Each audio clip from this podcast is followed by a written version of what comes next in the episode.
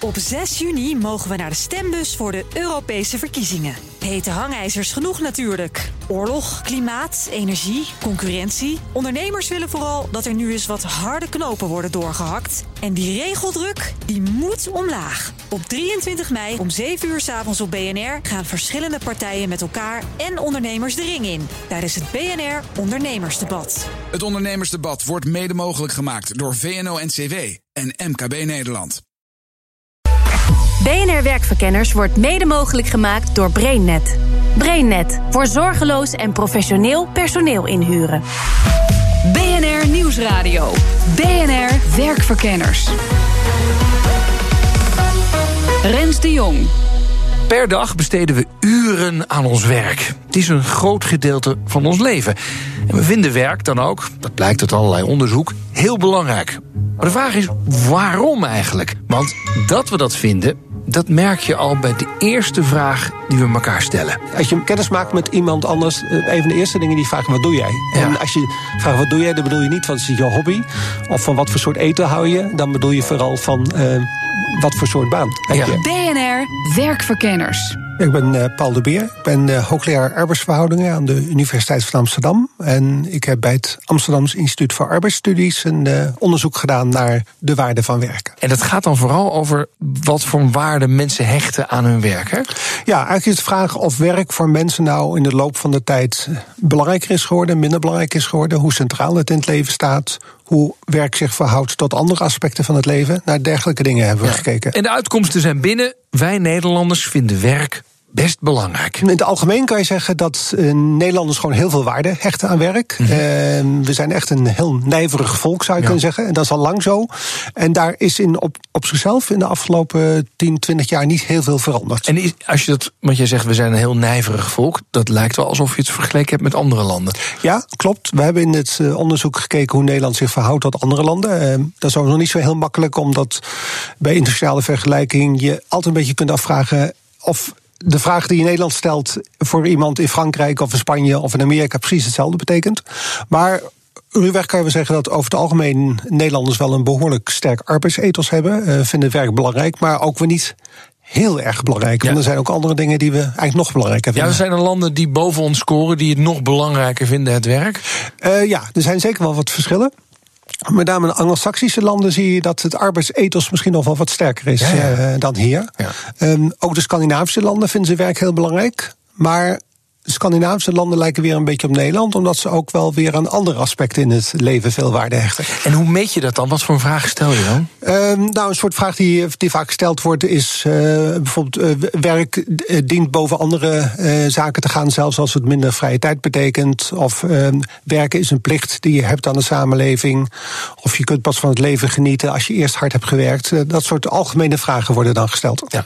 En wij zijn dus een heel nijverig volkje, zeg je, maar we vinden sommige andere dingen ook nog heel belangrijk. Wat is dat dan? Ja, als je gaat vragen ehm, wat nou de belangrijkste dingen in het leven zijn, dan staat werk niet bovenaan. Oh. Dan staan dingen bovenaan als eh, gezin, eh, gezondheid, maar zelfs vrije tijd wordt vaak nog eh, hoger gewaardeerd zelfs dan, ehm, dan werk. En toch zijn wij een nijverig volkje. Ja, Hoe ja. kom je tot die conclusie dan? Nou ja, we, aan de ene kant vinden we wel dat eigenlijk iedereen moet werken. Maar tegelijkertijd erkennen we ook dat er meer is in het leven dan alleen werk. Hmm. Dus je zou kunnen zeggen, werk staat in Nederland misschien niet heel centraal omdat er andere zaken zijn die we minstens zo belangrijk, zo niet belangrijker vinden. Maar we vinden eigenlijk wel dat iedereen toch ook aan werk zou moeten deelnemen. Ja. En zie je nog verschillen in leeftijden of eh, welstandsklassen, et cetera? Nou, het is grappig dat je de laatste tijd natuurlijk heel vaak hoort dat de jongere generaties, met name de millennials, toch hele andere opvattingen zouden hebben over werk dan de oudere generaties. Als ik het afmeet aan dit soort algemene vragen die wij nu eh, kennen, eh, dan zie je daar heel weinig verschil. Oh ja?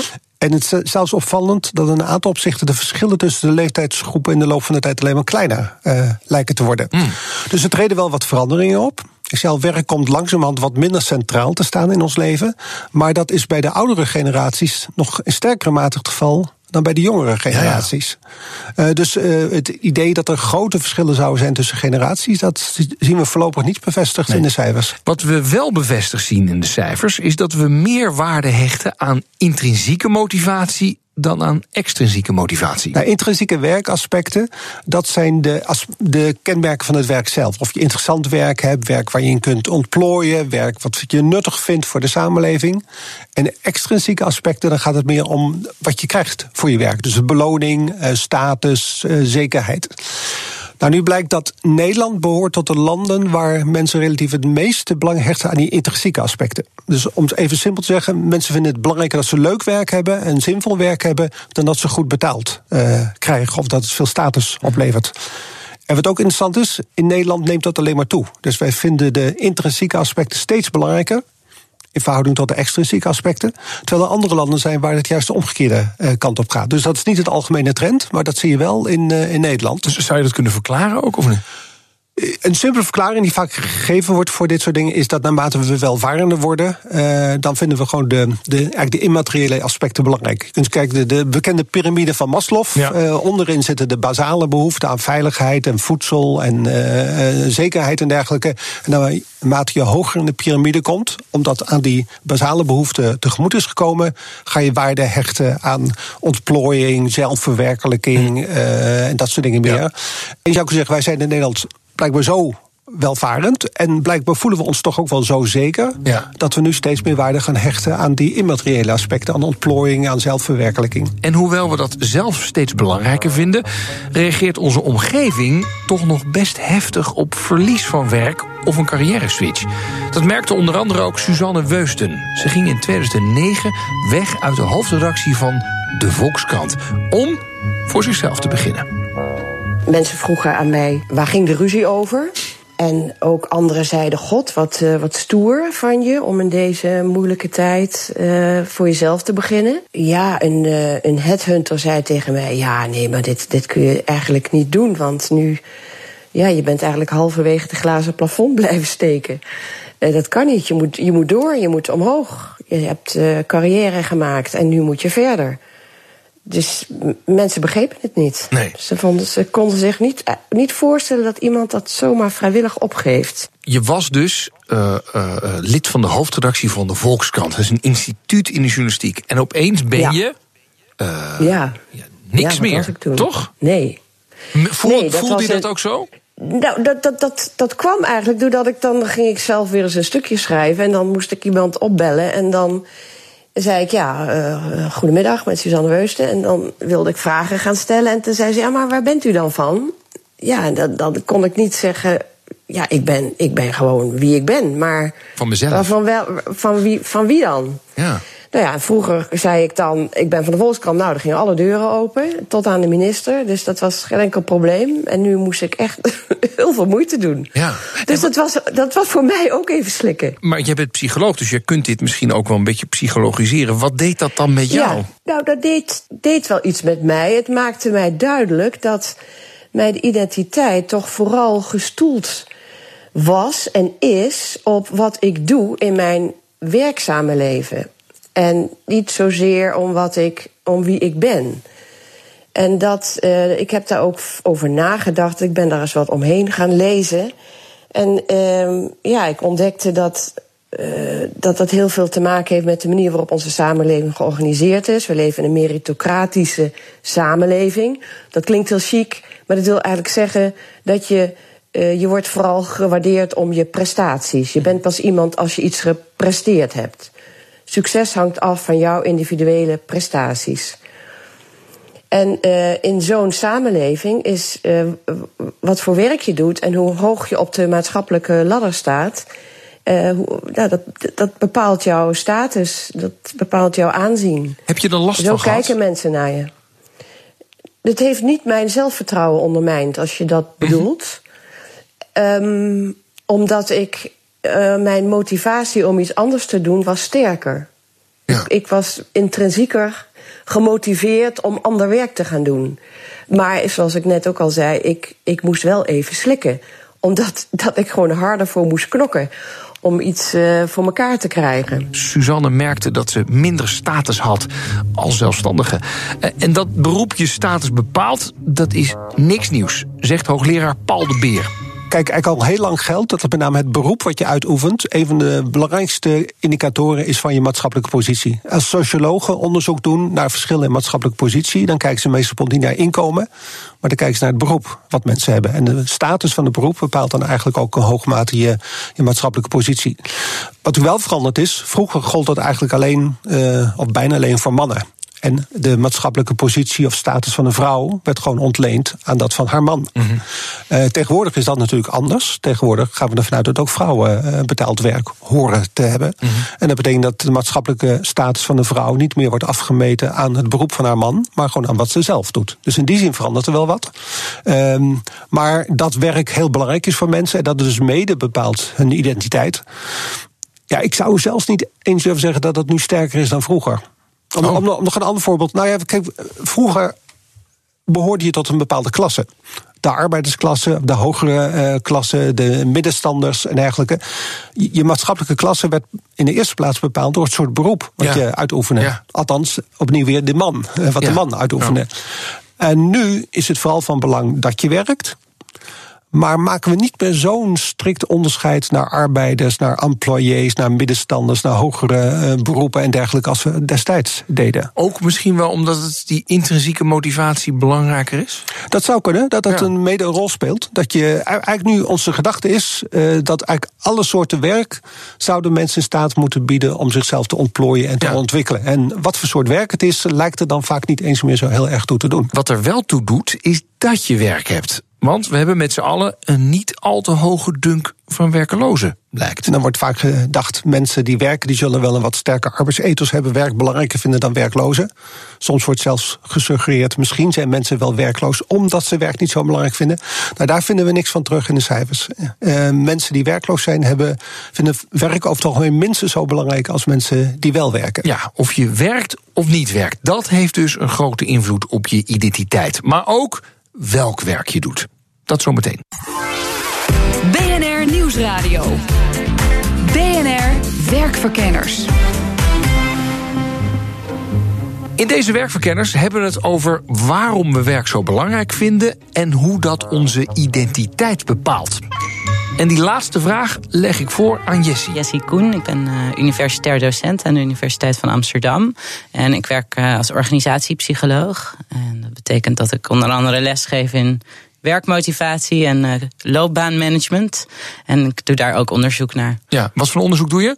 Uh, ik hou me nu heel erg bezig met de arbeidsmarktveranderingen. En uh, eigenlijk hoe mensen daar goed mee kunnen omgaan. Zodat ze er weinig stress van ervaren. En dat ze wel een goede loopbaan kunnen opbouwen. Nou, en daar hebben we het de volgende aflevering met Jessie uitgebreid over. Eerst over hoe belangrijk werk voor ons is.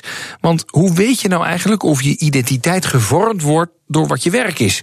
Nou, daar hebben wetenschappers speciale vragenlijsten voor opgesteld. Nou, dat zijn vragen of het je persoonlijk raakt als er kritiek komt op jouw organisatie, bijvoorbeeld. Oh ja. Of als er iets gebeurt in het nieuws met je organisatie, dat je daar dan ook trots op bent.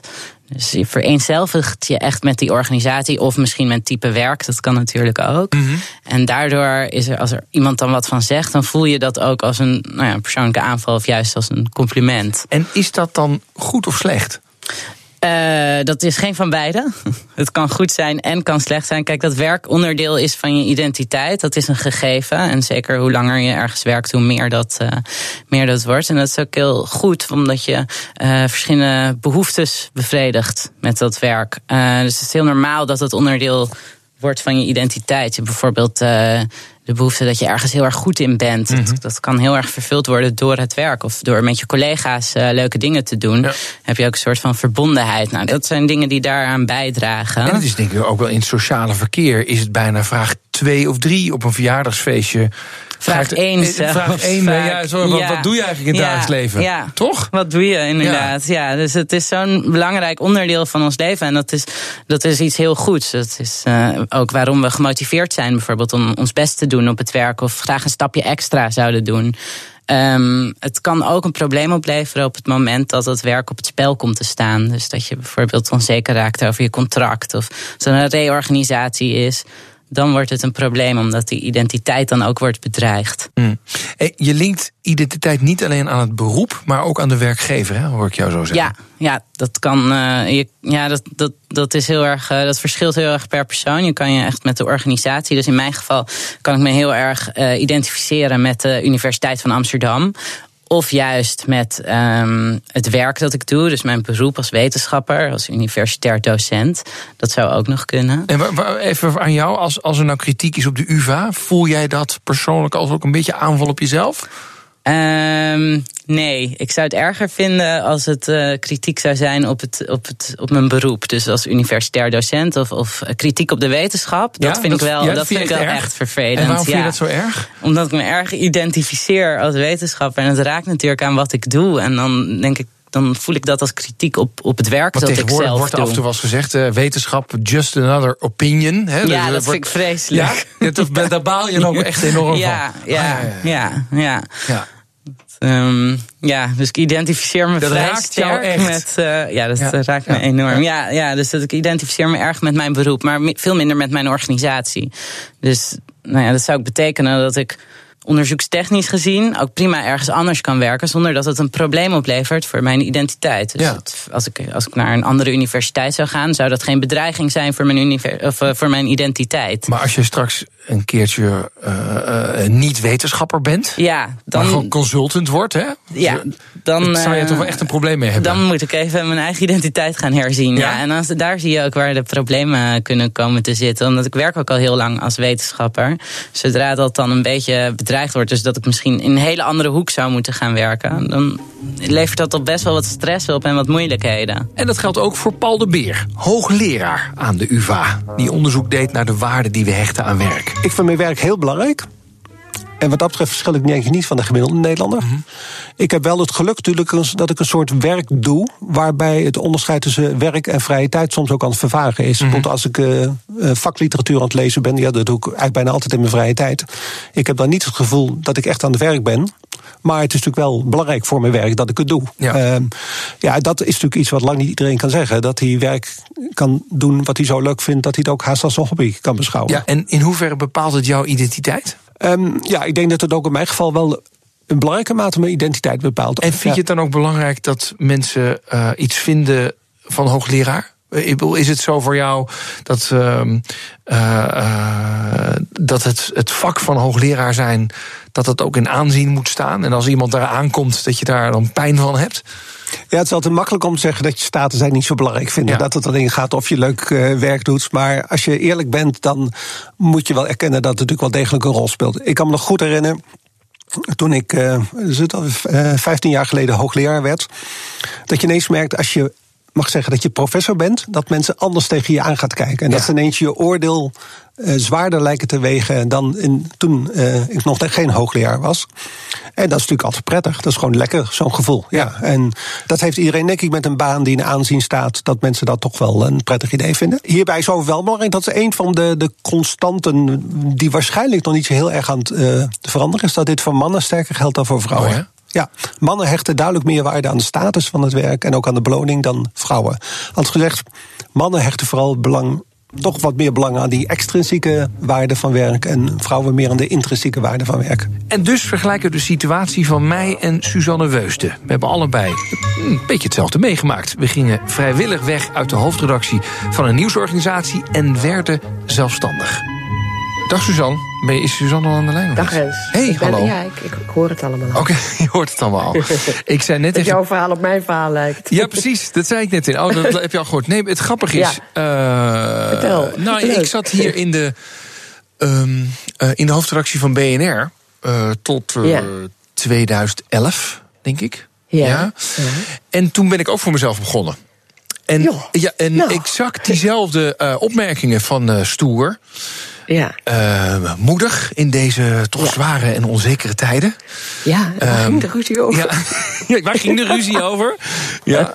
En, en ook uh, van. Uh, um, maar. Nou, bij mij was het net andersom. Waarom bleef je niet zitten totdat je een ontslagvergoeding meekreeg? Weet je wat? Dat van jezus. Oh ja. Ja, hebben ze me ook nog gevraagd. Oh ja? Oké. Okay. Ja, ja. En grappig is dat, hè? En hoe heb jij daar uiteindelijk ja. op gereageerd? Um, Nou, ik heb, ik heb gezegd, uh, ik heb dit nou zes jaar gedaan. En uh, ik wil nou wel weer iets, uh, iets nieuws gaan doen. Ik wil iets anders. En ik, ik voelde mij, in, in diep in mijn hart ben ik journalist en nieuwsgierig. En na een tijdje, een jaar of zes meegedraaid hebben in de hoofdredactie van de Volkskrant was ik toch veel minder met schrijven en nieuwsgierigheid beter, hm. bezig, maar vooral met managen.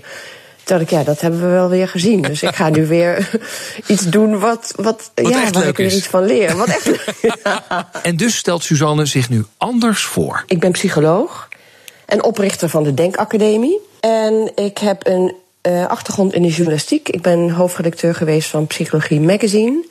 Daar kwamen die twee lijnen uit mijn leven, de psychologie en de journalistiek, mooi bij elkaar.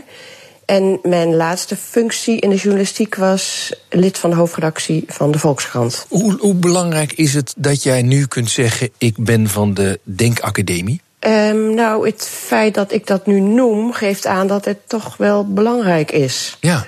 Denk ik nu. Want ik zou ook kunnen zeggen: ik ben Suzanne Weusten en ik ben psycholoog. Punt. Nog even terug naar het weggaan uit die hoofdredactie. Allebei hebben dat dus gedaan.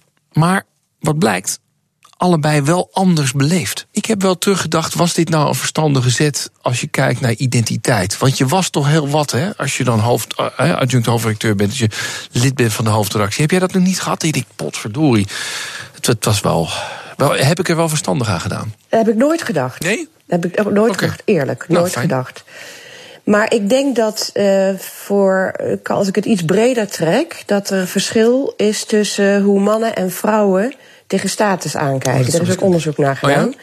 En uh, vrouwen verlaten vaker de geëikte carrièrepaden, zo zou je dat eigenlijk wel kunnen noemen. Hè? Want eigenlijk zou ik natuurlijk moeten doorstoten naar ofwel hoofdredacteur of nog iets groters in de journalistiek of weet ik wat. Dan zou ik pas echt. Uh, goed bezig zijn, in de ogen van anderen dan. Maar uh, mannen schijnen daar vaker toch meer belang aan te hechten, aan ja. status. Ik, ik verbaasde mezelf er wel over, maar ik vond het inderdaad wel. Dat ik, potverdorie ja, je hangt daar toch wel aan. Op een of andere manier. Ik, weet je, je was een heel meneertje. En nu, uh, nou, uh, meneertje, mag dan het lekker zelf doen. En op een gegeven moment. Ja, heb meneertje je wel... gaat misschien ook wat minder verdienen. Ja. En uh, ja, dat, is, dat hoort er allemaal bij. Maar de inhoud van het werk was voor jou kennelijk ook belangrijker. En dat is volgens Suzanne niet de norm in onze maatschappij. Het is zo vanzelfsprekend eigenlijk dat als je aan iemand vraagt: wat doe je? Dat je dan iets over je werk vertelt. Want je had ook kunnen zeggen, nou, ik, ik weet wat, misschien speel je nog wel in een bandje. Of, uh, maar uh, je professionele en je persoonlijke identiteit, die vallen heel erg nauw samen. Ja. Hoe verklaar je dat werk zo'n groot gedeelte van onze identiteit kan zijn of is? Dat heeft niet zozeer met onszelf te maken, met hoe we dat. Uh, dat hebben wij zelf niet bedacht, niet als individu. Maar dat heeft te maken met de manier waarop de samenleving is ingericht. In de samenleving waarin prestaties tellen, waarin het hebben van een baan en het hebben van een carrière ongelooflijk belangrijk is, ja, slaat dat ook terug op jou als individu. Dus daar, uh, daar heeft het mee te maken. Werk en carrière nemen een belangrijke plaats in in de samenleving. Als je niet werkt, dan hoor je er eigenlijk niet bij. En dat, uh, dat merken bijvoorbeeld mensen die uh, met pensioen gaan ook. Die hebben daar ook heel veel moeite mee niet iedereen natuurlijk. Sommigen zeggen ook van, hè, fijn, gelukkig. Of zeggen ook, ik kan eindelijk iets voor mezelf doen. Dat is eigenlijk ook een beetje vreemd natuurlijk. Ja. Als je al die jaren geploeterd hebt en niet voor jezelf. Um, maar het, het zegt dus vooral iets over onze samenleving. En, en hoe wij dat allemaal geïnternaliseerd hebben. Ja. En de enige oplossing is dat zelf voor jezelf omdraaien. Toch? Uh, ja, dat zou ik uh, vanuit een psychologisch perspectief zou ik dat zeggen. Maar je kunt natuurlijk er ook anders tegen aankijken en zeggen, nou we moeten, en dat zullen we misschien ook straks wel moeten, als werk weer heel erg verandert, doordat allerlei banen en functies uh, verdwijnen, dan zullen we het er ook op een andere manier zin aan ons leven moeten gaan geven. Maar ja, dan zou je misschien bij een filosoof te raden moeten gaan. Van wat, want werk is natuurlijk ook. Werk geeft zin en structuur aan je leven. En als je dat verliest, ja, dan, en er is niks anders, dan ziet het er ook een beetje ellendig uit. En daar gaan we het de volgende keer over hebben. Hoe je omgaat met werk in een arbeidsmarkt die steeds flexibeler wordt en waar minder zekerheid is. En wat voor een weerslag dat dan weer heeft op je identiteit. Identificeer jij je nou als werkverkennersluisteraar? Abonneer je dan op onze podcast. Dan mis je helemaal niks. Tot de volgende keer. Dag. BNR Werkverkenners wordt mede mogelijk gemaakt door BrainNet. BrainNet voor zorgeloos en professioneel personeel inhuren. Op 6 juni mogen we naar de stembus voor de Europese verkiezingen. Hete hangijzers genoeg natuurlijk. Oorlog, klimaat, energie, concurrentie. Ondernemers willen vooral dat er nu eens wat harde knopen worden doorgehakt. En die regeldruk, die moet omlaag. Op 23 mei om 7 uur s avonds op BNR gaan verschillende partijen met elkaar en ondernemers de ring in. Tijdens het BNR Ondernemersdebat. Het ondernemersdebat wordt mede mogelijk gemaakt door VNO-NCW en MKB Nederland.